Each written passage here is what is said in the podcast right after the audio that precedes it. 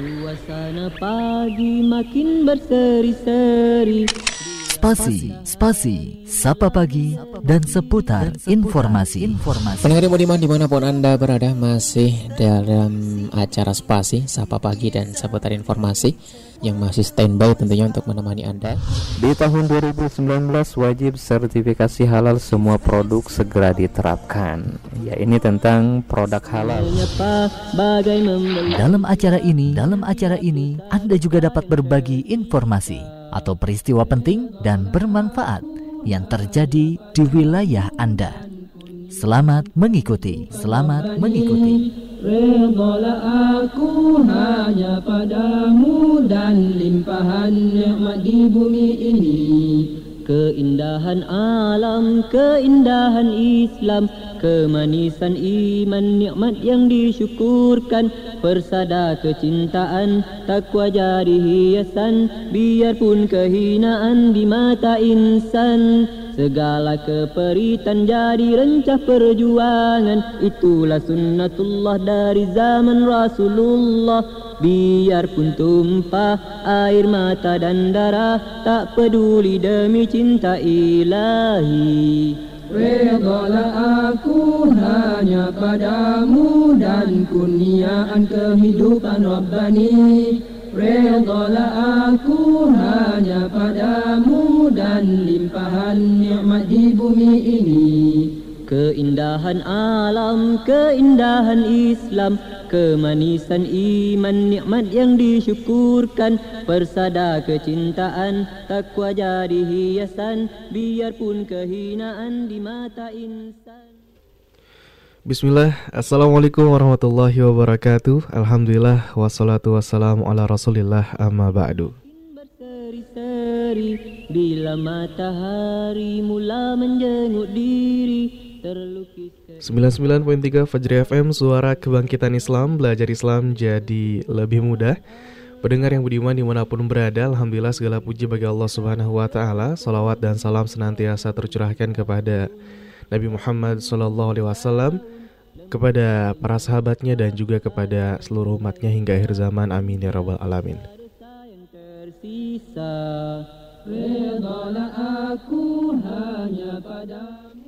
Ya pendengar yang budiman di mana pun berada Alhamdulillah senang rasanya saya Haris bisa kembali hadir menyapa ruang dengar Anda di pagi hari kali ini yang semoga Allah taala berikan keberkahan dalam program acara Spasi Sapa Pagi dan seputar informasi, informasi yang akurat, bermanfaat dan penting untuk umat.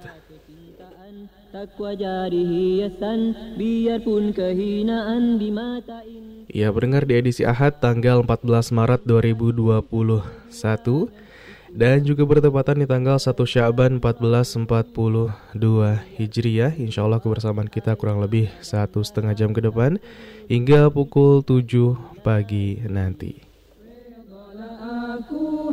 Hanya padamu dan kurniaan kehidupan Rabbani.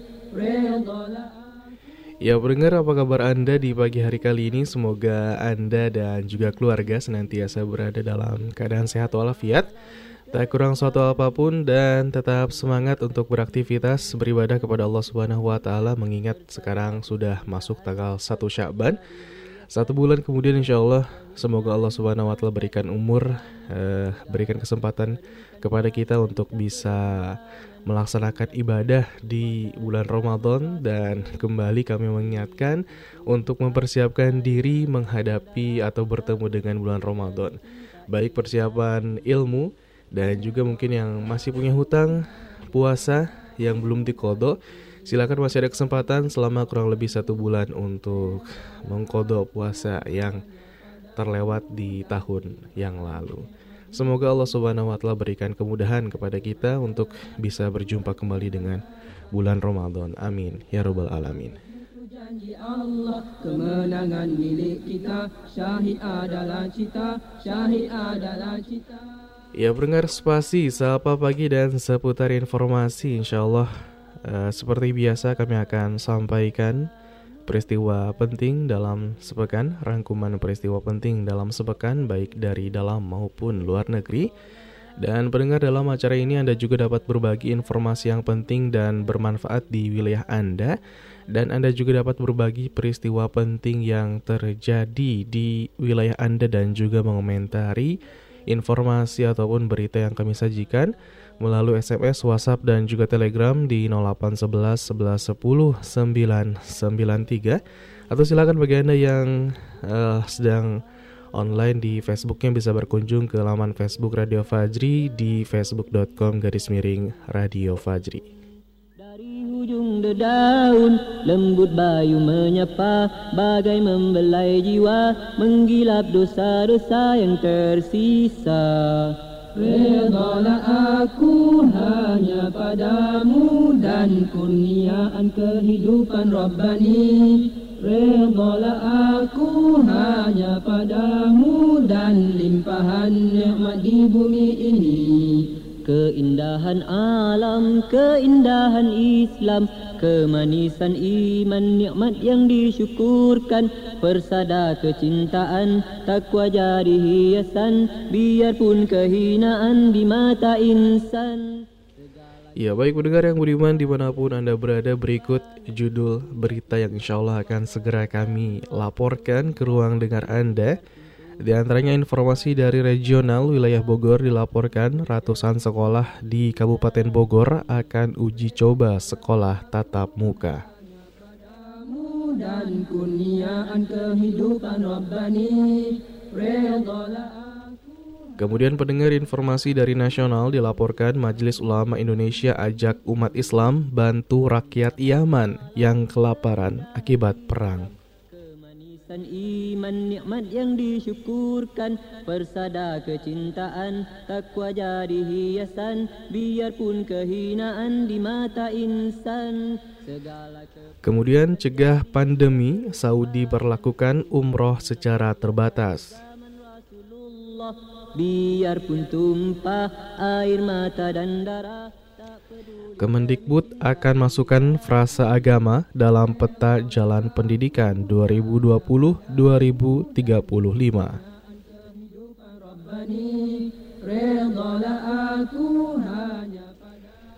Kemudian pendengar informasi selanjutnya berasal dari Banten dilaporkan bakar Al-Quran dan coret-coret masjid seorang pria di Banten ditangkap. Kemenangan milik kita, syahid adalah cita, syahid adalah cita.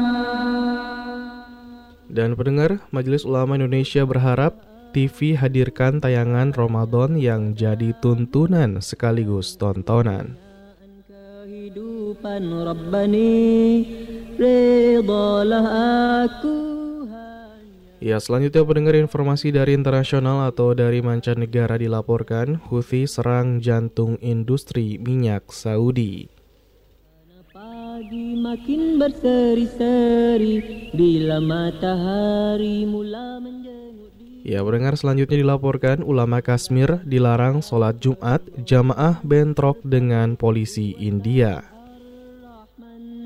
Burung-burung berkicau di celah pohon hijau menitislah Diseret pengadilan internasional ke meja hijau, Israel marah. Bagai membelai jiwa, menggilap dosa-dosa yang tersisa.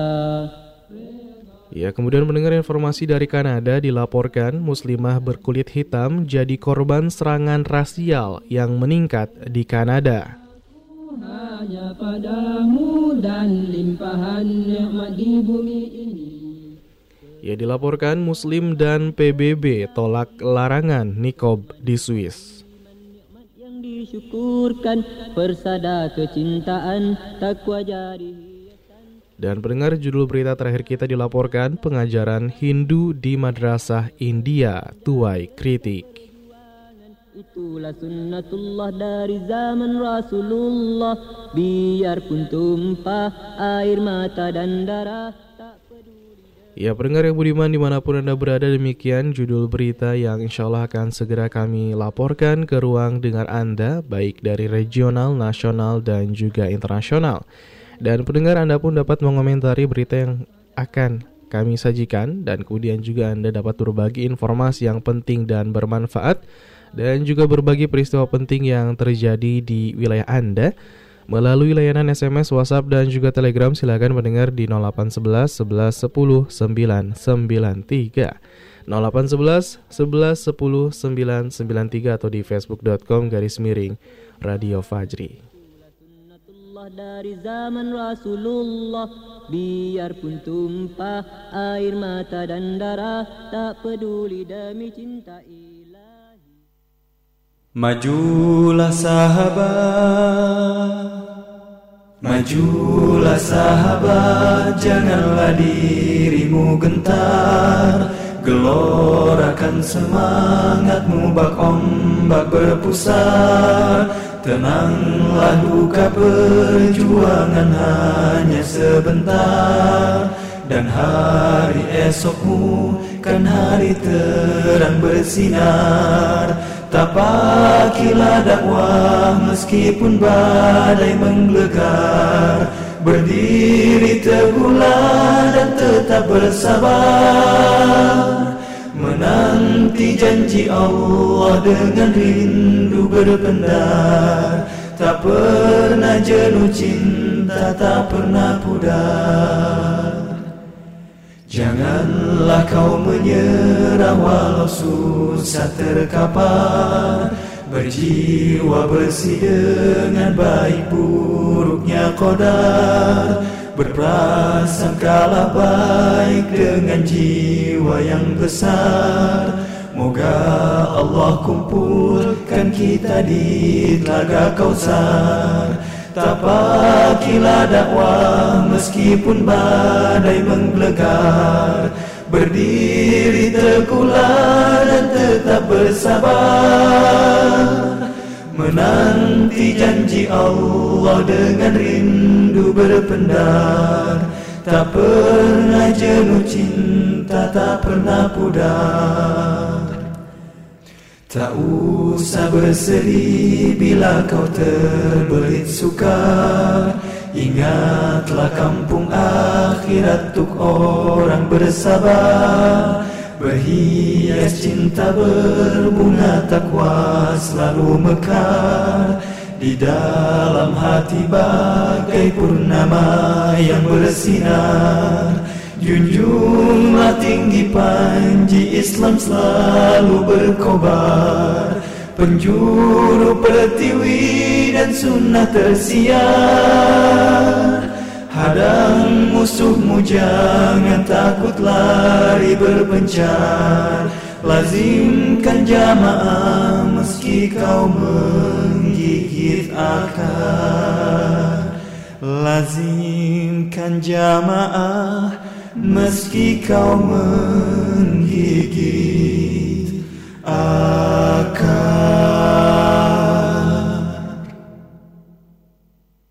Radio Fajri, suara kebangkitan Islam. Suasana pagi makin berseri-seri Bila matahari mula menjenguk diri Terlukis keindahan dalam keharmonian Terpamer kekuasaan Ar-Rahman. Burung-burung berkicau di celah pohon hijau Menitislah embun. Dari hujung dedaun Lembut bayu menyapa bagai membelai jiwa Menggilap dosa-dosa yang tersisa Redalah aku hanya padamu Dan kurniaan kehidupan Rabbani. Redalah Ya 99.3 Fajri FM Suara Kebangkitan Islam Belajar Islam jadi lebih mudah. Pendengar masih dalam program Spasi Sapa Pagi dan seputar informasi.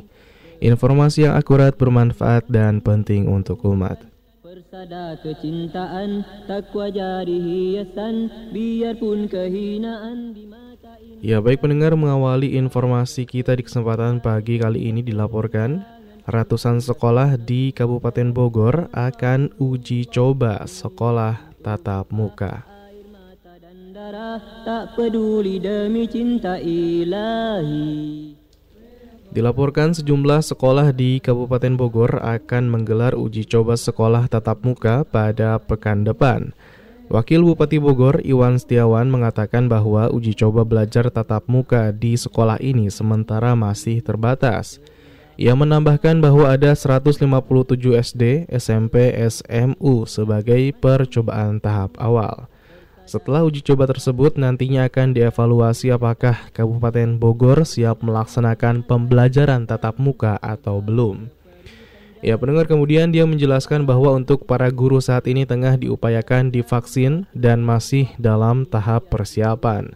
Sementara untuk para siswa nanti akan diupayakan untuk tes antigen demi mencegah hal-hal yang tidak diinginkan selama kegiatan belajar. Sekolah yang akan menggelar uji coba tahap tatap muka ini juga harus memenuhi syarat-syarat tertentu.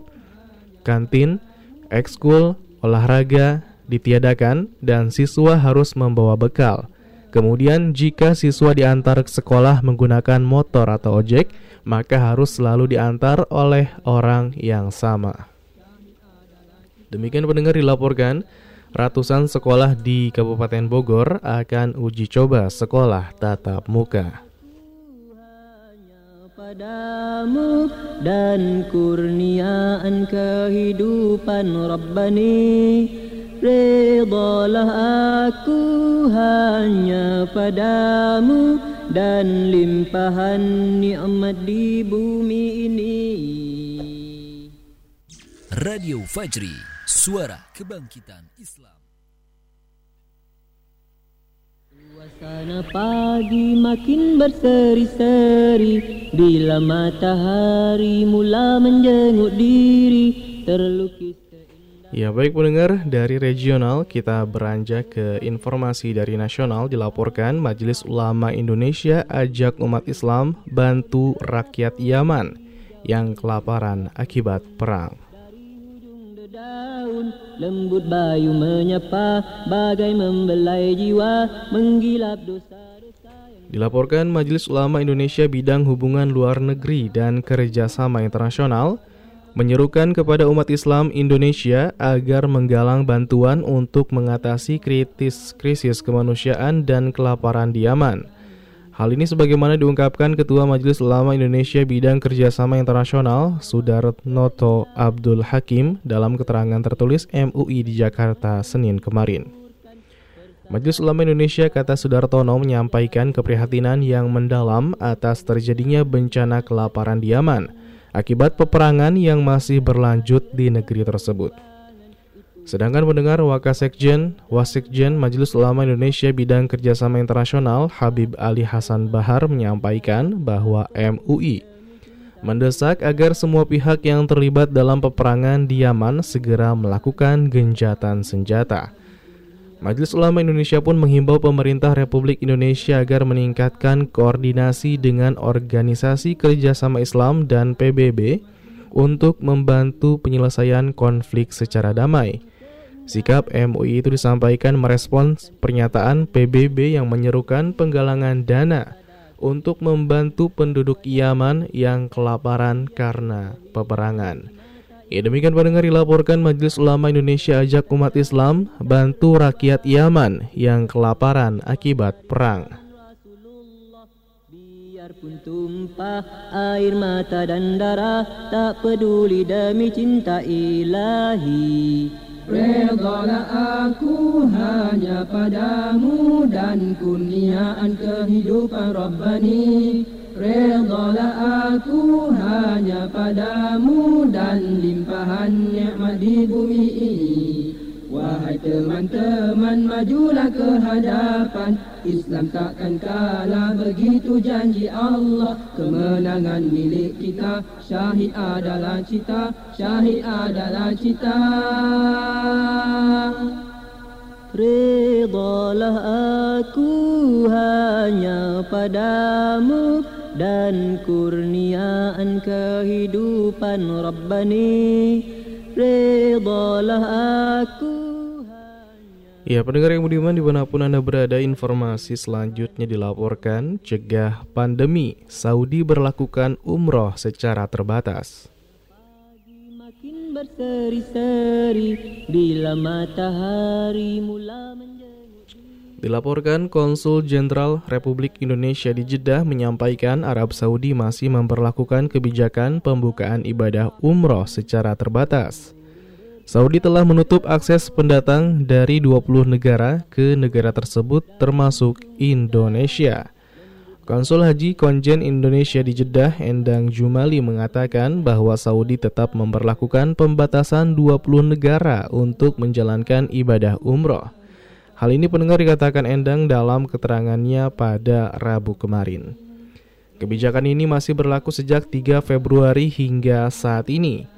Adapun mereka yang diizinkan yang diizinkan masuk hanyalah warga negara Saudi, diplomat, praktisi kesehatan beserta keluarganya. Pihaknya juga belum bisa memastikan kapan kebijakan penutupan akses masuk Saudi bagi 20 negara akan dicabut. Ya pendengar dilaporkan, Endang menjelaskan bahwa awalnya penyelenggaraan ibadah umroh sempat dibuka untuk warga negara di luar Arab Saudi pada 1 November 2020 hingga 2 Februari 2021. Pada periode tersebut ada lebih dari 2000 jamaah umroh asal Indonesia yang menunaikan ibadah umroh. Demikian pendengar dilaporkan, cegah pandemi, Saudi berlakukan umroh secara terbatas.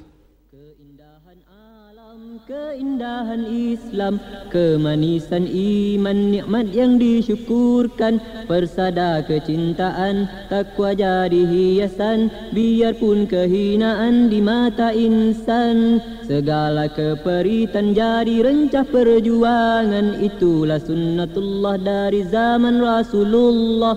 Biarpun tumpah air mata dan darah Tak peduli demi cinta ilahi Redalah aku hanya padamu dan kurniaan kehidupan Rabbani. Redalah aku hanya padamu dan limpahan nikmat di bumi ini. Wahai teman-teman Ya baik pendengar informasi selanjutnya masih dari dalam negeri. Dilaporkan Kemendikbud akan masukkan frasa agama dalam peta jalan pendidikan 2020-2035 Redalah aku hanya padamu.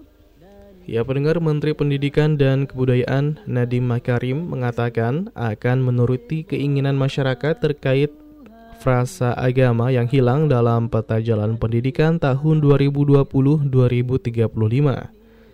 Nadiem mengatakan bahwa pihaknya selalu terbuka untuk menerima kritikan dan juga masukan, sehingga dia meminta masyarakat tidak panik. Hal ini dikatakan Nadiem dalam rapat kerja bersama Komisi 10 DPR Rabu kemarin. Ya pendengar melihat polemik itu Nadi mengatakan akan menuruti keinginan masyarakat.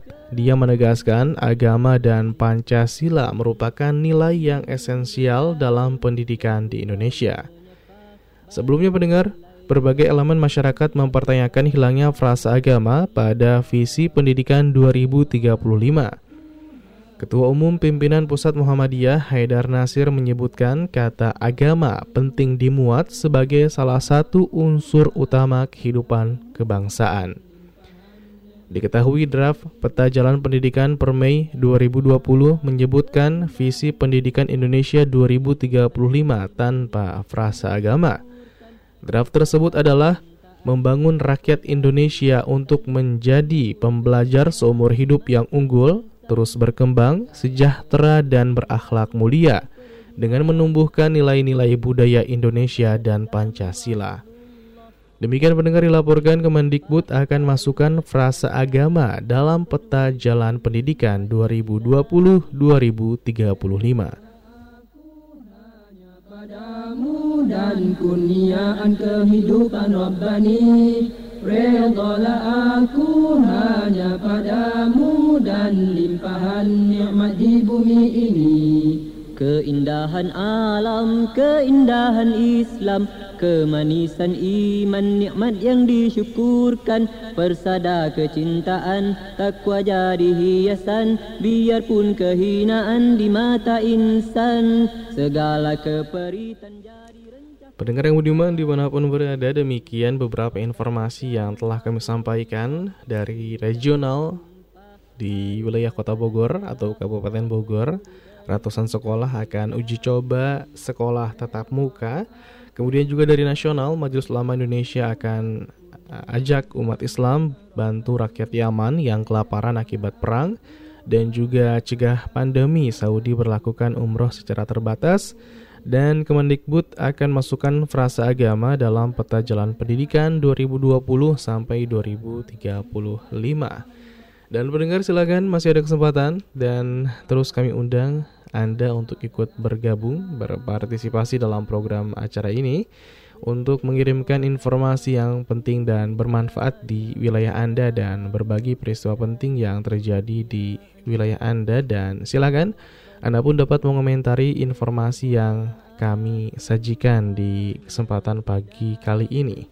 SMS, WhatsApp, dan Telegram 0811 11 10 993 atau, di facebook.com garis miring Radio Fajri dan pendengar insya Allah akan kami sampaikan informasi selanjutnya setelah yang berikut ini tetap stay tune di Radio Fajri 99.3 FM Suara Kebangkitan Islam. Terpamer kekuasaan Ar-Rahman.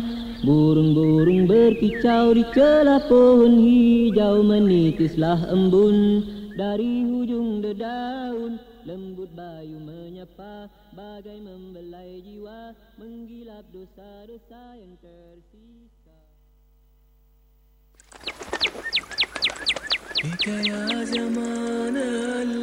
Mendengar, salah satu tujuan Nabi Muhammad Sallallahu Alaihi Wasallam diutus ke dunia ini adalah untuk menyempurnakan akhlak. Nabi Sallallahu Alaihi Wasallam bersabda, Innama bu'ithtu liutammima salihal akhlak. Sesungguhnya aku hanyalah diutus untuk menyempurnakan akhlak yang luhur. Hadis riwayat Ahmad dan Bukhari.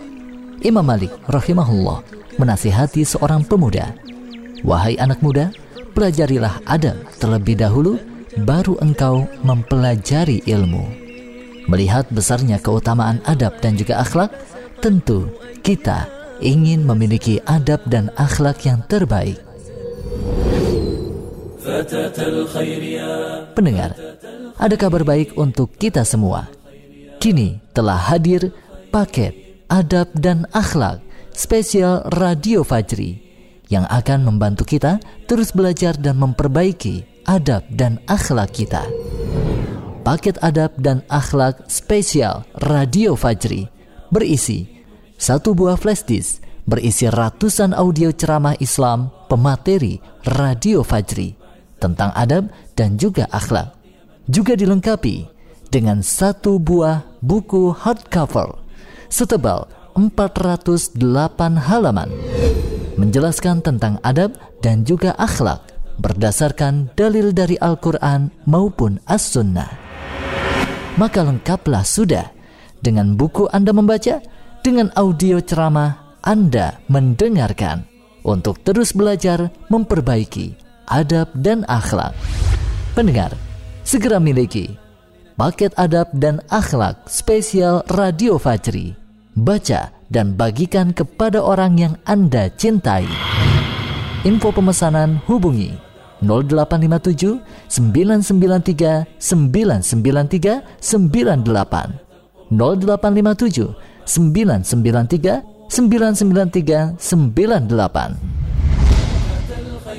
أملا تنير مسير دعوتنا وتوقيد مشعل الإيمان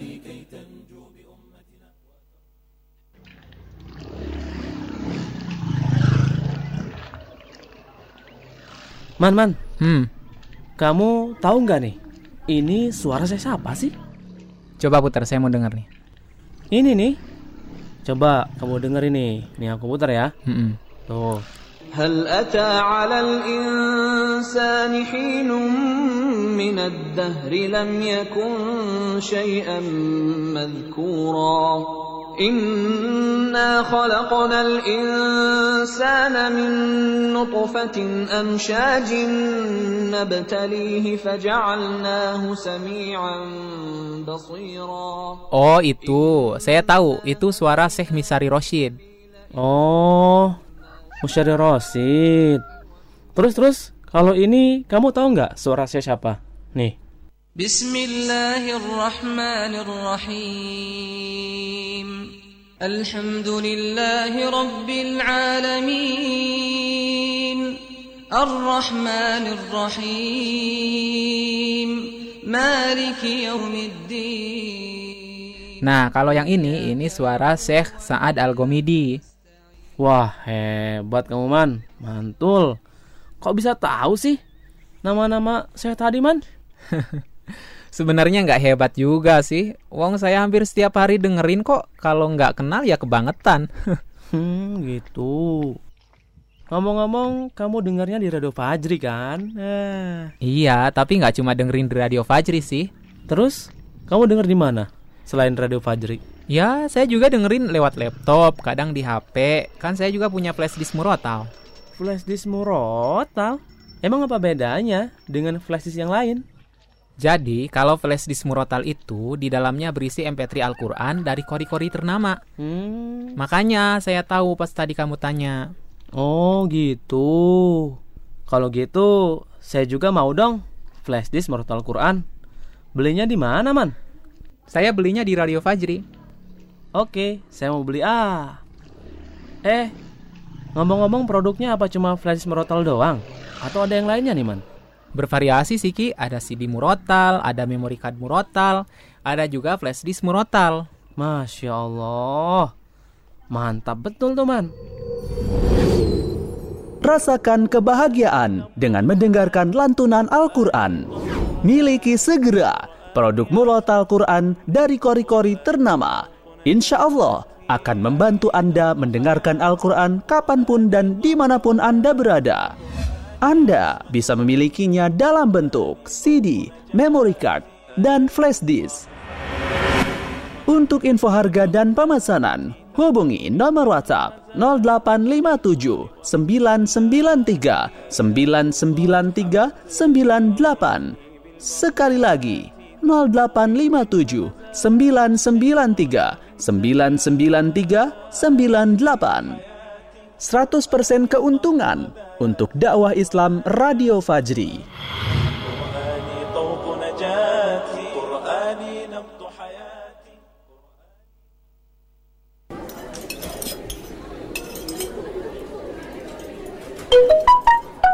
Masya Allah, Masya Allah, Barokallahu Fik. Kenapa ah? Ini pesan broadcast dari Radio Fajri. Wah, aneh kok nggak dapet ya? Padahal aneh pendengar setia juga nih. Udah daftar belum? Lebih dekat dengan Radio Fajri, belajar Islam jadi lebih mudah. Daftarkan diri Anda, update informasi seputar keislaman dan dapatkan nasihat, gambar, dan video islami dari Radio Fajri. Serta jadilah agen penebar hidayah. Ketik nama, tanda pagar kecamatan, tanda pagar kota domisili, dan kirim melalui WhatsApp ke nomor 0811 1110 993 0811 1110 993 Wah, kudu langsung daftar nih. Iyalah, daftar buruan. Dan jangan lupa ah, pakai WhatsApp ya, bukan pakai SMS. Islam adalah agama mulia yang dirahmatkan Allah yang Esa. Satukan hati untuk berjuang sebuah gerakan kebangkitan. Islam adalah agama mulia yang dirahmatkan Allah yang Esa Satukan hati untuk berjuang sebuah gerakan kebangkitan. Jalan yang panjang penuh rintangan Tak akan mundur. Walaupun hanya selangkah Rasul mulia sebagai pedoman Quran dan Sunnah sebagai jalan hidup kami. Islam adalah agama mulia yang dirahmatkan Allah yang Esa. Satukan hati untuk berjuang sebuah gerakan kebangkitan. Islam adalah agama mulia yang dirahmatkan Allah yang Esa. Satukan hati untuk berjuang Sebuah gerakan kebangkitan. Jalan yang panjang Penuh rintangan Tak akan mundur Walaupun hanya selangkah. Rasul mulia sebagai pedoman Quran dan Sunnah sebagai jalan hidup kami. Anda sedang mendengarkan Radio Fajri. Fajri, suara kebangkitan Islam Suasana pagi makin berseri-seri Bila matahari mula menjenguk diri Ya, 99.3 Fajr FM, suara kebangkitan Islam, belajar Islam jadi lebih mudah. Pendengar yang budiman di mana pun Anda berada, Alhamdulillah. Terima kasih banyak atas partisipasi Anda, jazakumullah khairan kathiron. Dan juga yang baru bergabung, yang baru menyalakan radionya Alhan Wasalan. Selamat datang, selamat bergabung. Anda sedang menyimak program acara spasi, sapa pagi dan seputar informasi. Informasi yang akurat, bermanfaat dan penting untuk umat. Insya Allah kebersamaan kita di acara spasi ini sampai dengan jam 7 pagi. Dan pendengar, telah kami sampaikan ada empat informasi, insya Allah akan segera kami laporkan kembali informasi berikutnya. Dan Anda pun dapat berbagi informasi yang penting dan bermanfaat di wilayah Anda. Dan Anda pun dapat berbagi peristiwa penting yang terjadi di wilayah Anda. Dan juga mengomentari berita yang kami sajikan di 0811 1110 993 atau di facebook.com garis miring Radio Fajri. Biarpun tumpah air mata dan darah Tak peduli demi cinta ilahi. Aku. Ya baik mendengar informasi selanjutnya masih dari dalam negeri dilaporkan bakar Al-Quran dan coret-coret masjid. Seorang pria di Banten ditangkap. Keindahan alam, keindahan Ya dilaporkan seorang warga di desa Tambilu Tambiluk, Kecamatan Petir ditangkap pihak kepolisian setelah membakar Al-Quran dan mencoret-coret Masjid Baitur Rahman di Serang, Banten pada Rabu kemarin. Pihak kepolisian mengungkapkan bahwa pria yang bernama Yahya alias Gon Gonzales Yusuf merupakan orang dengan gangguan kejiwaan dan sebelumnya juga pernah melakukan hal serupa. Hal ini sebagaimana dikatakan Kapolsek Cikesal AKP Agus Bukhari. Majelis Ulama Indonesia Cikesal Abdul Jalil mengatakan bahwa pelaku ini sudah empat kali beraksi di Masjid Baitur Rahman. Pertama pada Agustus 2020 ia membongkar kotak amal. Aksi kedua dan ketiga ia membakar Al-Quran dan sejadah serta mengambil uang yang ada di kotak amal. Kemudian baru-baru ini dia membakar Al-Quran dan mencoret tembok masjid. Ya, pendengar peristiwa pembakaran Al-Quran ini ter terungkap saat salah seorang warga yang bernama Ridwan pergi ke Masjid Baitur Rahman hendak ke kamar mandi pada pukul 6 pagi. Namun dari pintu belakang masjid, Ridwan melihat ada asap yang berasal dari dalam masjid. Dia kemudian mengajak warga sekitar untuk mengecek ke dalam masjid. Setelah dilakukan pengecekan, ternyata asap tersebut berasal dari api yang menyala di tempat imam dan yang terbakar merupakan Al-Quran. Selain itu pendengar juga ada tulisan di tembok samping tempat imam biasa memimpin sholat berjamaah. Ya demikian pendengar dilaporkan, bakar Al-Quran dan coret-coret masjid seorang pria di Banten ditangkap.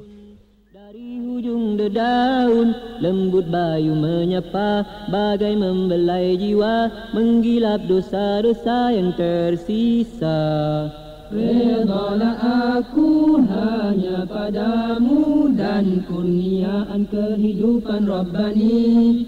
Redalah aku hanya padamu dan limpahan nikmat di bumi ini Keindahan alam, keindahan Islam Kemanisan iman, nikmat yang disyukurkan Persada kecintaan, takwa jadi hiasan Biarpun kehinaan di mata insan Segala keperitan jadi Ya baik pendengar informasi selanjutnya dilaporkan Majelis Ulama Indonesia berharap TV hadirkan tayangan Ramadan yang jadi tuntunan sekaligus tontonan. Ilahi Redalah aku Ya pendengar Ketua Majelis Ulama Indonesia Bidang Dakwah dan Ukhuwah Khalil Nafis mengajak lembaga penyiaran menghadirkan tayangan Ramadan tidak hanya sebagai tontonan, namun juga tuntunan. Dia mengatakan bahwa beberapa tahun belakang tayangan muatan ceramah Ramadan di televisi semakin dibutuhkan. Ia mengatakan bahwa model ceramah yang diminati masyarakat kembali pada model isi ceramah itu sendiri. Hal ini diungkapkan Khalil Nafis saat halakoh yang digelar Majelis Ulama Indonesia bersama Komisi Penyiaran Indonesia secara virtual Rabu kemarin. Pertemuan tersebut dibuka secara resmi oleh Ketua Umum Majelis Ulama Indonesia Miftahul Akhyar dan Ketua KPI Pusat Agung Supriyo. Acara tersebut bertujuan untuk menyambut Ramadan. Seperti pada tahun-tahun sebelumnya pendengar Majelis Ulama Indonesia dan KPI sel selalu bekerja sama melakukan pengawasan siaran televisi pada Ramadan. Sedangkan beberapa bulan setelahnya Majelis Ulama Indonesia dan KPI akan mengganjar program televisi terbaik di bulan Ramadan pada ajang Anugerah Syiar Ramadan. Saat membuka halakoh, Kiai Miftah menyampaikan bahwa bulan Ramadan nanti harus disikapi sebagai bulan revolusi diri, termasuk revolusi dalam menerima informasi maupun pertelevisian tanah air. Ketua Komisioner KPI Pusat Agung Supriyo menyampaikan bahwa Majelis Ulama Indonesia adalah pihak yang otoritatif dan mempunyai kewenangan terhadap agama Islam terutama dalam hal penyiaran pada Ramadan. Demi menghadirkan tontonan yang bisa menjadi tuntunan tersebut, dia berharap lembaga penyiaran bisa mengonsultasikan terlebih dahulu ke Majelis Ulama Indonesia sehingga bisa terjaga kualitasnya. Sebab kualitas itulah yang saat ini lebih dibutuhkan oleh masyarakat. Untuk menjadikan tayangan Ramadan tidak hanya sebagai tontonan, Wakil Ketua KPI Mulyo Hadi Purnomo mengatakan, KPI akan mengeluarkan surat edaran sebagai pedoman bagi lembaga penyiaran. Surat ini sekaligus bisa menjadi pedoman penilaian anugerah syiar Ramadan. Ya demikian pendengar dilaporkan, Majelis Ulama Indonesia berharap TV hadirkan tayangan Ramadan yang jadi tuntunan sekaligus tontonan. Alam keindahan Islam Kemanisan iman nikmat yang disyukurkan Persada kecintaan takwa jadi hiasan Biarpun kehinaan di mata insan. Segala keperitan jadi rencah perjuangan Itulah sunnatullah dari zaman Rasulullah Biarpun tumpah air mata dan darah Tak peduli demi cinta ilahi. Redalah aku hanya padamu dan kurniaan kehidupan Rabbani. Redalah aku hanya padamu dan limpahan nikmat di bumi ini Keindahan alam, keindahan Islam Kemanisan iman, nikmat yang disyukurkan Persada Ya baik pendengar yang budiman di mana pun berada dari informasi nasional atau dalam negeri kita beralih ke informasi dari mancanegara atau internasional dilaporkan Husi serang jantung industri minyak Saudi. Biarpun tumpah air mata dan darah Ya dilaporkan kelompok Syiah Yaman menembak drone dan rudal ke jantung industri minyak Arab Saudi pada Ahad kemarin. Husi menyerang fasilitas Aramco Saudi di Ras Tanura dalam serangan yang disebut untuk mengganggu keamanan dan stabilitas pasokan energi global. Husi juga mengatakan mereka menyerang markas militer di kota Daman, Asir, Jazan di Saudi. Kementerian Energi Saudi mengatakan tempat penyimpanan minyak di Ras Tanura diserang dengan pesawat tak berawak. Namun tidak ada korban atau, atau kerugian properti. Kementerian juga menambahkan bahwa pecahan peluru dari rudal balistik jatuh di dekat kompleks perumahan Aramco di Dah di Dahran. Juru bicara militer Husi Yahya, Sarya, mengatakan kelompok itu menembakkan 14 drone dan 8 rudal balistik melintasi perbatasan dengan kerajaan. Juru bicara koalisi pimpinan Saudi mengatakan bahwa Arab Saudi akan mengambil semua tindakan yang diperlukan untuk melindungi dirinya sendiri. Demikian pendengar dilaporkan Husi serang jantung industri minyak Saudi. Kicau di celah pohon hijau menitislah embun. Dari hujung dedaun lembut bayu menyapa. Bagai membelai jiwa menggilap dosa-dosa yang tersisa. Redalah aku hanya padamu dan kurniaan kehidupan Rabbani Redalah aku hanya padamu dan limpahan nikmat di bumi ini Keindahan alam, keindahan Islam, kemanisan iman Ya baik pendengar informasi selanjutnya dilaporkan ulama Kashmir dilarang sholat Jumat jamaah bentrok dengan polisi India. Segala keperitan jadi rencah perjuangan. Itulah sunnatullah dari Ya pendengar jamaah sholat Jumat menggelar protes yang berujung bentrok dengan polisi India. Para demonstran menentang kebijakan pemerintah yang melarang ulama Kashmir Mirwais Umar Faruk untuk sholat Jumat Dilansir media lokal, aksi yang dilakukan spontan di Masjid Jamia Srinagar ini dilakukan sebagai dukungan pada Mirwais yang baru dibebaskan setelah 20 bulan ditahan. Mereka mengatakan bahwa pasukan penembakan bahwa pasukan menembakkan peluru gas air mata untuk membubarkan warga sipil yang memprotes. Para pengunjuk rasa melempari batu ke pasukan yang memicu bentrokan kecil. Ya pendengar dalam sebuah pernyataan konferensi pembebasan Kashmir menyatakan penyesalan terhadap pelarangan keluar rumah dan sholat Jumat pemimpin mereka. Mereka menuntut pemerintah mencabut larangan tersebut. Persatuan Islam Jammu dan Kashmir mengatakan pelarangan terhadap Mirwais tidak dapat diterima sebab Mirza telah menyelesaikan masa hukumannya. Pihaknya mengatakan warga Kashmir telah datang ke Masjid Jami Srinagar untuk mendengarkan khutbah Mirwais. Namun mereka kecewa dan marah setelah mendengar Mirwais dilarang keluar dari kediamannya. Demikian pendengar dilaporkan ulama Kashmir dilarang sholat Jumat jamaah bentrok dengan polisi India dan kurniaan kehidupan Rabbani. Redalah aku hanya padamu dan limpahan nikmat di bumi ini. Suasana pagi makin berseri-seri bila matahari dan pendengar informasi selanjutnya berasal dari Israel dilaporkan diseret pengadilan internasional ke meja hijau Israel marah. Burung-burung berkicau di celah pohon hijau Dilaporkan jaksa pengadilan kriminal internasional secara resmi akan membuka penyelidikan atas kejahatan perang di wilayah otoritas Palestina. Langkah tersebut disambut baik oleh Palestina namun dikecam oleh Israel.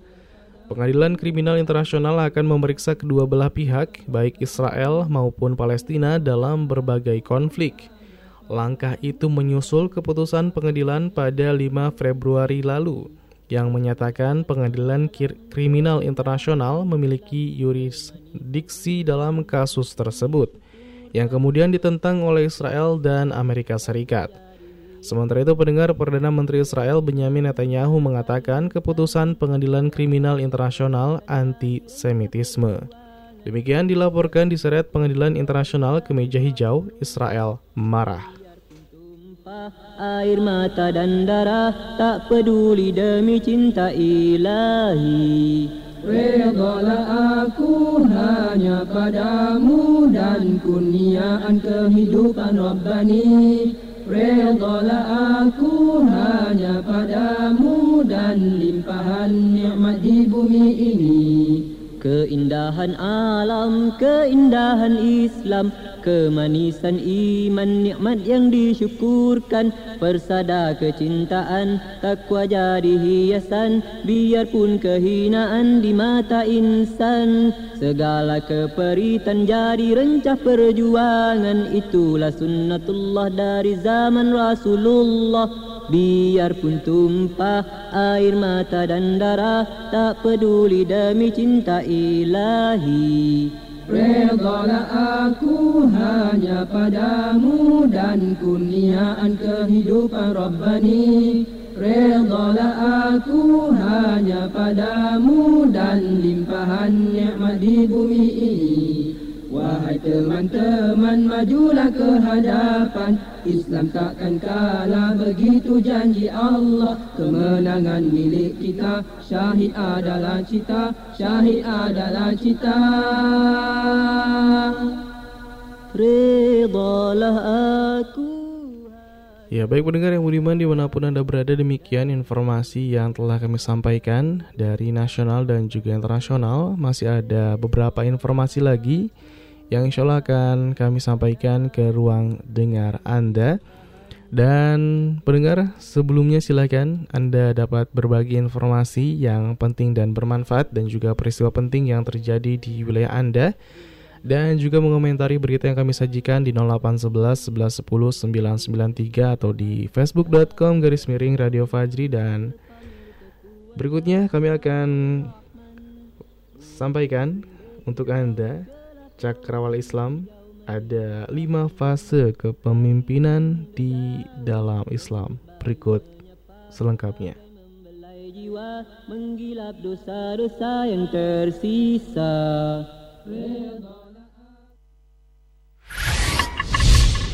Merangkum wawasan Islami yang menarik, informatif, serta mendidik. Kali ini Cakrawala Islam menyajikan lima kabar dari Rasulullah SAW yang menjadi kenyataan pada masa kini untuk Anda. Cakrawala Islam edisi kali ini akan membahas lima tokoh perawi hadis terbanyak. Yang pertama adalah Abu Hurairah radhiyallahu an. Dengan Cakrawala Islam. Cakrawala Islam. Assalamualaikum warahmatullahi wabarakatuh.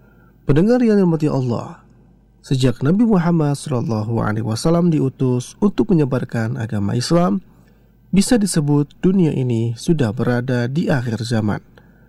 Disebut akhir zaman karena tidak akan ada lagi nabi setelah Nabi Muhammad sampai kiamat.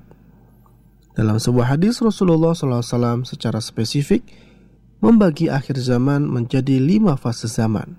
Berikut hadisnya yang diriwatkan oleh Nu'man bin Bashir dari Huzaifa ibnu Yaman. Rasulullah SAW bersabda yang artinya, Masa kenabian itu berada di tengah-tengah kalian. Adanya atas kehendak Allah, kemudian Allah mengangkatnya apabila dia menghendaki untuk mengangkatnya. Selanjutnya adalah masa khilafah yang mengikut jejak kenabian. Adanya atas kehendak Allah, kemudian Allah mengangkatnya apabila dia menghendaki untuk mengangkatnya. Selanjutnya masa kerajaan yang menggigit. Adanya atas kehendak Allah. Kemudian Allah menghendakinya apabila dia menghendaki untuk mengangkatnya. Setelah itu masa kerajaan yang sombong. Adanya atas kehendak Allah, kemudian Allah mengangkatnya apabila dia menghendaki untuk mengangkatnya. Selanjutnya adalah masa khilafah yang mengikuti jejak kenabian. Kemudian beliau, Nabi terdiam. Hadis riwayat Ahmad. Oleh karena itu pendengar, pada kesempatan kali ini, Cakrawala Islam akan membahas lima fase kepemimpinan di dalam Islam yang dikutip dari berbagai sumber. Yang pertama, masa kenabian. Nah, pendengar yang dimati Allah, fase ini adalah zaman di mana Nabi Muhammad SAW hidup sampai beliau wafat. Masa ini dimulai saat Rasulullah diutus membawa agama Islam kepada kaum Quraisy di Mekah. Meskipun harus melalui berbagai macam rintangan berat, Islam semakin tumbuh pesat hingga seluruh bangsa Arab ketika itu menganut agama Islam. Rasulullah SAW berdakwah selama 13 tahun lamanya di Mekah dan disambung dengan dakwah yang membumi selama 10 tahun di Madinah dengan disertai banyaknya pengorbanan yang luar biasa. Berkat pengorbanan Rasulullah dan para sahabat dulu, Islam bisa tersebar di seluruh dunia dan bertahan sampai sekarang. Wafatnya Rasulullah menjadi tanda dari akhir masa kenabian karena tidak akan ada lagi nabi setelah Nabi Muhammad. Kemudian fase yang kedua adalah masa kekhalifahan di atas minhaj Rasulullah Shallallahu Alaihi Wasallam. Dengan yang dimati Allah, setelah Nabi Muhammad wafat, dimulailah zaman kekhalifahan yang diawali oleh kepemimpinan Abu Bakar. Kemudian dilanjutkan oleh Umar bin Khattab, Utsman bin Affan, dan terakhir adalah Ali bin Abi Thalib radhiyallahu taala anhum. Keempat khalifah ini memimpin dengan penuh keadilan dan selalu berpegang teguh kepada kaum yang berlandaskan Al-Quran dan As-Sunnah. Pada zaman kepemimpinan para khalifah ini, Islam berkembang sangat pesat sampai ke seluruh dunia. Pada masa inilah Islam berhasil menaklukkan Romawi dan Persia. Waktu itu Islam benar-benar berjaya dan kehidupan masyarakat benar-benar berdasarkan anjuran Nabi dan syariat Islam. Kemudian fase yang ketiga adalah masa Mulkan Adlon atau kerajaan yang menggigit. Nah, pendengar yang dimati Allah, masa ini disebut dengan masa raja yang menggigit karena pada zaman ini kehidupan umat muslim masih berpegang teguh pada sunnah Rasul dan ajaran Islam yang sebenarnya. Meskipun hampir lepas, ada juga yang mengartikan disebut masa raja yang menggigit karena di masa itu raja-raja mewariskan kepemimpinan kepada anak atau kerabatnya. Masa Mulkan Adlon diawali dengan kemunculan dinasti Umayyah yang berlangsung selama 13 abad. Di zaman ini, Islam semakin berjaya dan berada pada puncak keemasan. Di masa ini, juga banyak ilmuwan muslim yang berhasil mengembangkan penemuan seperti di bidang kedokteran, astronomi, matematika, dan sebagainya. Kemudian setelah masa dinasti Muawiyah dilanjutkan oleh dinasti Abbasiyah dan Turki Utsmani. Masa ini diakhiri dengan runtuhnya dinasti Utsmaniyah di daerah Turki pada tahun 1924. Keruntuhannya disebabkan oleh infiltrasi orang-orang Yahudi dan semakin lemahnya pengaruh kesultanan di dalam kehidupan. Kelemahan masa akhir Turki Utsmani juga disebabkan semakin jauhnya pengaruh agama dari kehidupan. Setelah masa ini, baru masuk pada zaman yang sedang kita alami, yaitu masa Mulkan Jabariyah Pendengar yang berbahagia, pada masa ini Islam mengalami kemunduran dan mengalami perpecah belahan. Padahal pada fase ini jumlah umat muslim lebih banyak. Namun sayangnya mereka terbagi-bagi dalam banyak kelompok yang hanya mementingkan urusan pribadi. Banyak yang mengaku beragama Islam tapi tidak memegang teguh sunnah Rasulullah dan ajaran Islam yang sebenarnya ajaran Islam yang murni telah banyak diselewengkan demi meraih tujuan pribadi. Di zaman ini kemaksiatan merajalela, korupsi di mana-mana, orang yang baik ditindas, sedangkan yang buruk dipuja. Kebenaran dianggap kejahatan, sedangkan kejahatan dianggap kebenaran. Orang-orang fasik dijadikan pemimpin, sedangkan yang baik dihinakan. Pada zaman inilah Islam berada pada titik keterpurukan karena terpecah belah. Umat Islam berada di titik nadir. Mereka lemah dan tidak berdaya, meski jumlahnya sangat banyak. Umat Islam ditindas, dizolimi di mana-mana, sehingga tidak bisa berbuat apa-apa. Umat terpecah belah dan hanya mementingkan kepentingan dunia dibanding kepentingan akhirat. Bisa disebut masa ini adalah zaman modern yang sedang kita alami sekarang. Itu berarti kita sudah berada di fase keempat akhir zaman. Dan yang kelima pendengar, masa Khalifah ala minhaj al-nubuwah. Nah, pendengar yang dirahmati Allah, sesuai keterangan hadis Nabi, zaman pemimpin diktator yang sedang berlangsung sekarang suatu saat nanti akan mengalami kehancuran. Setelah zaman pemimpin diktator hancur, masa khalifah akan kembali ditegakkan di muka bumi. Masa ini seperti di zaman khalifah empat sahabat Nabi di mana ajaran Islam yang sebenarnya akan kembali ditegakkan dan umat muslim seluruhnya bersatu. Umat Islam yang awalnya terpuruk akan kembali pada puncak kejayaan. Kehidupan di masa ini begitu damai dan tentram karena berada di bawah pemimpin yang adil dan bijaksana. Kelak Imam Mahdi akan datang dan memimpin umat Islam dengan penuh keadilan dan keberkahan. Demikianlah pendengar pemaparan tentang lima fase kepemimpinan di dalam Islam. Semoga bermanfaat. Wallahu alam. Wassalamualaikum warahmatullahi wabarakatuh. Cakrawala Islam. Cakrawala Islam.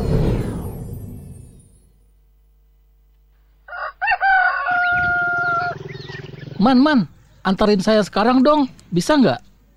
Emang mau ke mana sih Ki? Pakai acara untar antar segala? Ini, saya pengen beli kaos nih. Hmm, ada yang mau upgrade penampilan nih ya? Iya dong, ada saran nggak? Kaos yang bagus gitu buat saya pakai. Wah, kebetulan nih Ki. Saya ada info bagus soal kaos nih. Wah, apa tuh man? Kalau mau beli kaos, nggak usah repot-repot. Tinggal pesen aja kaos dakwah Radio Fajri. Wah, mantep nih. Kaosnya kayak gimana sih, Man? Jadi, di kaosnya itu ada tulisan Islam adalah solusi. Terus ada tulisan Fajrinya juga. Wah, oke nih. Pakai kaos sekaligus ngenalin Radio Dakwah Fajri. Betul banget, Ki. Ya udah, ya udah. Mana nomor teleponnya? Saya mau pesan sekarang.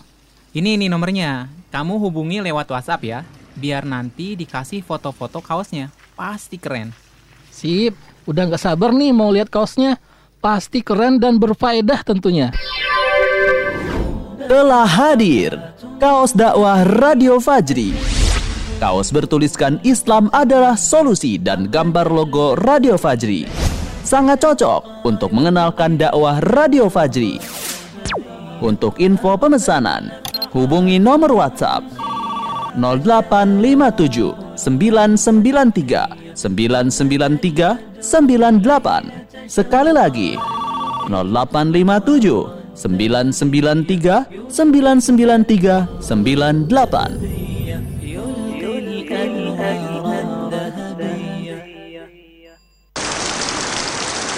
Hujan. Itulah yang terpikirkan ketika mendengar kata payung. Lalu bagaimana jika payung yang digunakan juga sebagai sarana dakwah? Alhamdulillah telah hadir Payung Dakwah Fajri. Payung dengan untayan nasihat indah dari Radio Fajri. Sangat cocok sebagai sarana dakwah Untuk mengenalkan Radio Fajri Juga sebagai hadiah bagi orang-orang tercinta. Segera pesan sebelum kehabisan Dengan cara ketik nama lengkap Tanda pagar Payung Fajri Tanda pagar alamat lengkap. Kirim ke 0857 993 993 98 via SMS atau WhatsApp. 100% keuntungan untuk keberlangsungan dakwah Radio Fajri. Saat ini Anda sedang mendengarkan frekuensi 99.3 Fajri FM dan radio streaming di alamat situs www.fajrifm.com. Fajri, suara kebangkitan Islam. Suasana pagi makin berseri-seri. Bila matahari mula menjenguk diri Terlukis keindahan dalam keharmonian Terpamir kekuasaan Ar-Rahman. Burung-burung berkicau di celah pohon Ya baik pendengar yang beriman di mana pun Anda berada da masih dalam program Spasi, Sapa Pagi dan seputar informasi. Dan informasi selanjutnya pendengar dilaporkan muslimah berkulit hitam jadi korban serangan rasial yang meningkat di Kanada.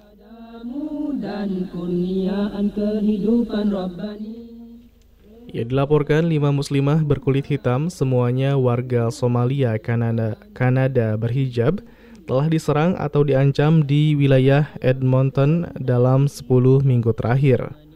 Trendeli, seorang anggota Komite Penasehat Anti Rasisme Edmonton, mengatakan bahwa setiap minggu ia menerima laporan penyerangan baru terjadi.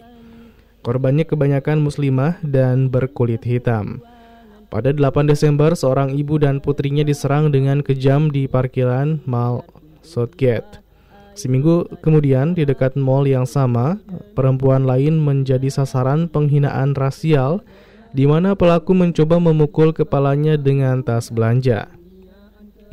Pada bulan Februari, seorang pria membuat komentar rasial dan menjadi agresif terhadap seorang perempuan di pusat transit Universitas Alberta. Pada hari yang sama pendengar seorang pria muncul di belakang seseorang atau seorang perempuan yang berjalan di lingkungan populer, mendorongnya ke tanah dan mengancam akan membunuhnya serta merobek burkanya. Serangan terbaru terjadi pada 17 Februari 2021. Dewan Nasional Muslim Kanada mengatakan seorang pria mendekati seorang muslimah berkulit hitam yang mengenakan hijab di stasiun Transit Century Park mengumpat dan mengancam akan membunuhnya. Para pemimpin politik termasuk Perdana Menteri Jason Kenney telah mengancam serangan tersebut, tetapi Ketua Dewan Muslim Nasional mengatakan kecaman tidak cukup dan para pemimpin pemerintah di tingkat lokal dan provinsi perlu mengambil tindakan. Demikian pendengar dilaporkan muslimah berkulit hitam jadi korban serangan rasial yang meningkat di Kanada. cita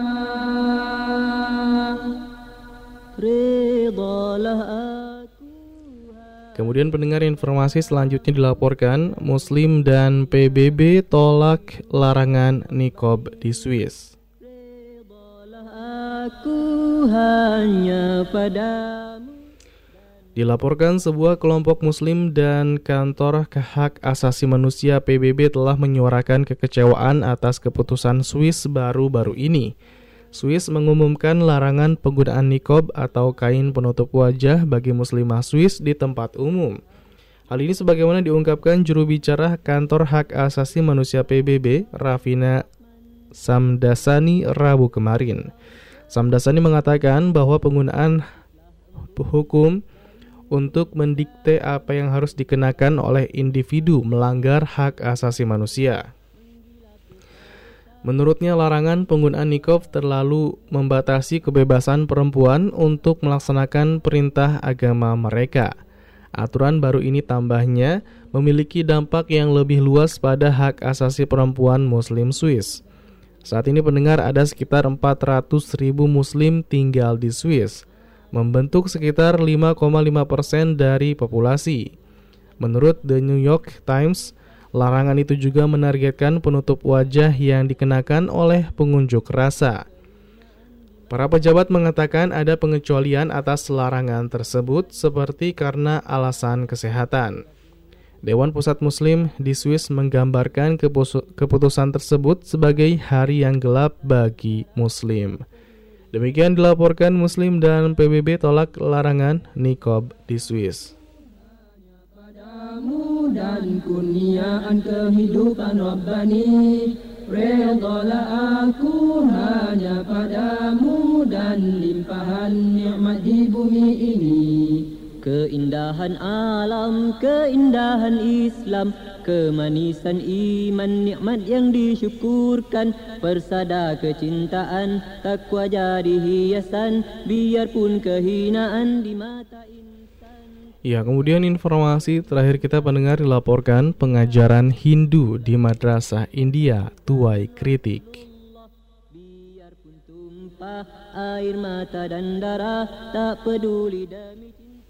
Ya, sebuah organisasi otonom di bawah Kementerian Pendidikan mengumumkan telah menyiapkan 15 kursus tentang tradisi pengetahuan India. Menteri Pendidikan India Ramesh mempresentasikan kurikulum baru pada pekan lalu. Kementerian menyiapkan kurikulum Weda, Yoga, Sains, Bahasa Sanskerta, serta epos Hindu seperti Ramayana dan Bhagavad Gita. Menurut kementerian, ajaran tentang topik tersebut akan segera dimasukkan dalam lembaga pendidikan muslim atau madrasah. Nantinya pendengar pihak terkait akan menyediakan kursus di tingkat dasar, menengah, dan senior serta mengikuti standar yang sama dengan Dewan Pendidikan Nasional dan negara bagian.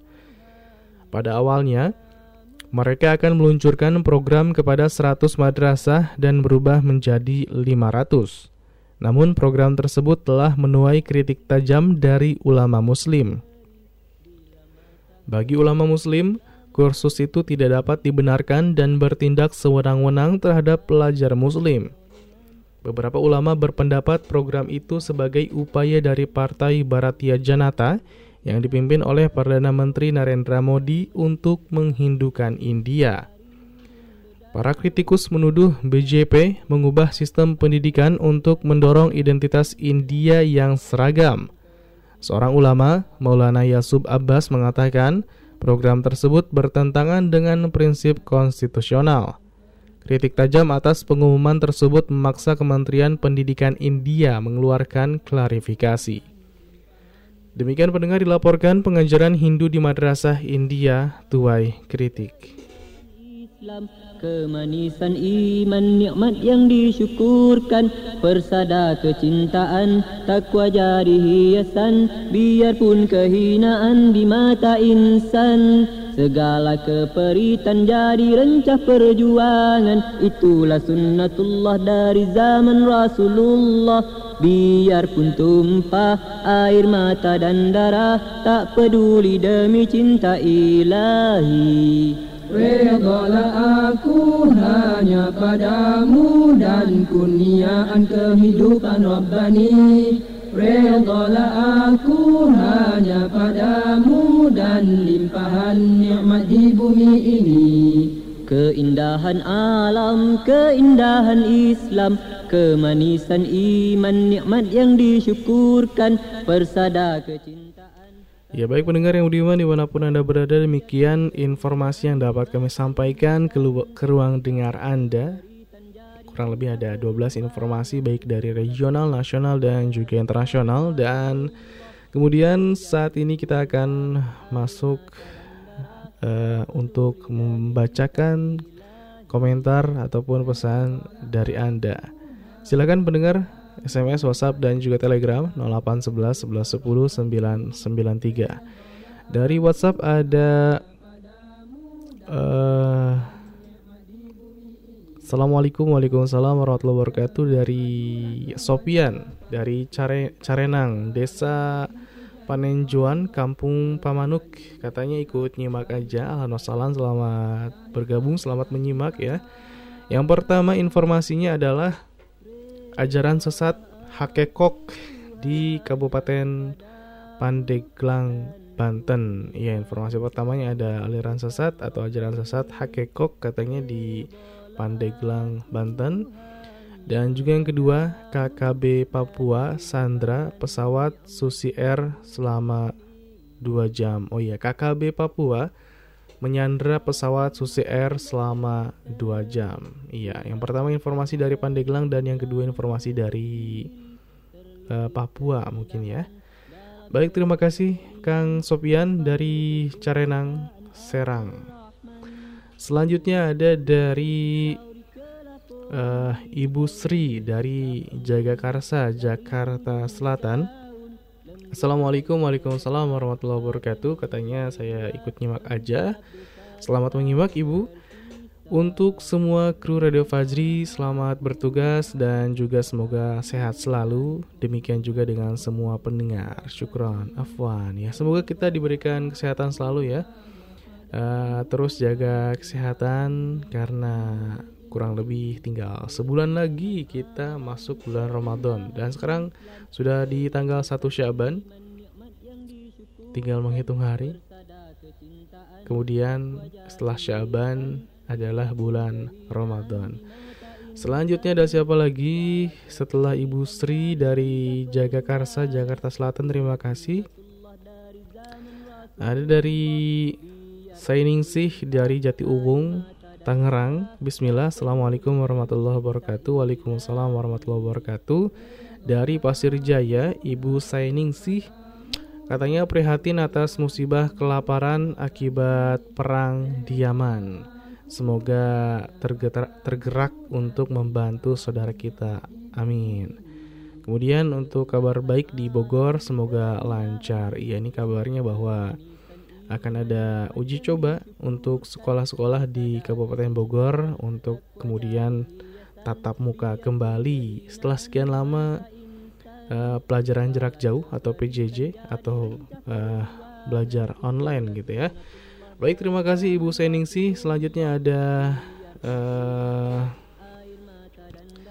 Assalamualaikum warahmatullahi wabarakatuh Selamat pagi Selamat pagi pendengar Radio Fajri FM Katanya hanya saling mengingatkan saja Saat ini corona masih Corona masih betah mewabah.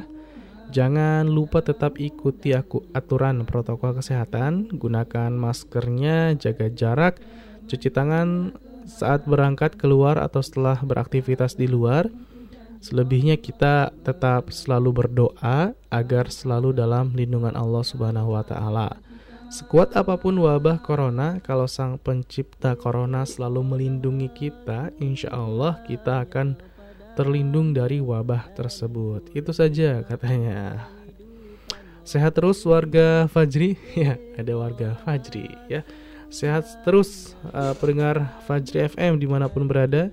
Terus pantau Radio Fajri agar makin bertambah ilmu kita dan juga makin bertambah pula keimanan kita. Jazakallah khair. Wa iya, terima kasih juga untuk uh, Kori yang sudah uh, menyampaikan informasi pesan uh, di kesempatan pagi kali ini berkaitan dengan corona ya. Mengingatkan kembali tentang protokol kesehatan.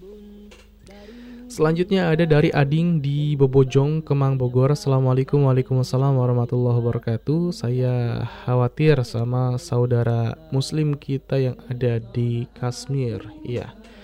Semoga mereka dikasih kesabaran. Amin ya rabbal alamin. Iya, bukan hanya di Kashmir tapi di Palestina, di Myanmar dan belahan negara lain. Semoga diberikan kesabaran oleh Allah Subhanahu wa taala dan diberikan kemenangan. Amin. Selanjutnya ada Hafizah Dinillah dari Tangerang. Bismillah, Assalamualaikum warahmatullahi wabarakatuh. Kajian fokus Fajri wilayah Tangerang, insya Allah. Hari Ahad tanggal 14 Maret 2021 dan juga bertepatan di tanggal 1 Syakban 1442 Hijriah. Hari ini ya. Waktunya 8.30 sampai selesai jadi setengah sembilan temanya menjadi guru keluarga Pematerinya Ustadz Dr. Abu Aisyah Rahendra Maya MPDI Pemateri tetap Radio Fajr FM dan juga dosen Sekolah Tinggi Agama Islam Al-Hidayah Bogor Tempatnya Masjid Al-Ikhwan Samping Sekolah Citra Islami Bundaran 3 Cukang Galih Citra Ya Citra Raya ya.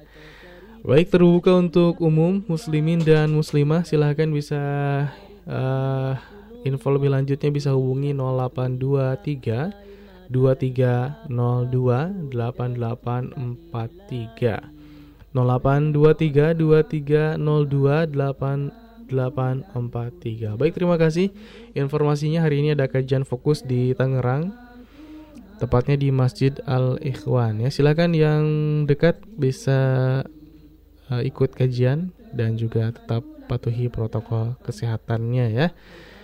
Terima kasih. Selanjutnya ada dari Inggu Hartono Igun. Assalamualaikum. Waalaikumsalam warahmatullahi wabarakatuh. Ikut mendengarkan dan juga menyimak aja katanya. Baik. Terima kasih banyak. Masya Allah Barakallahu Fikum Kemuliaan kehidupan Rabbani Redalah aku hanya padamu Dan limpahan nikmat di bumi ini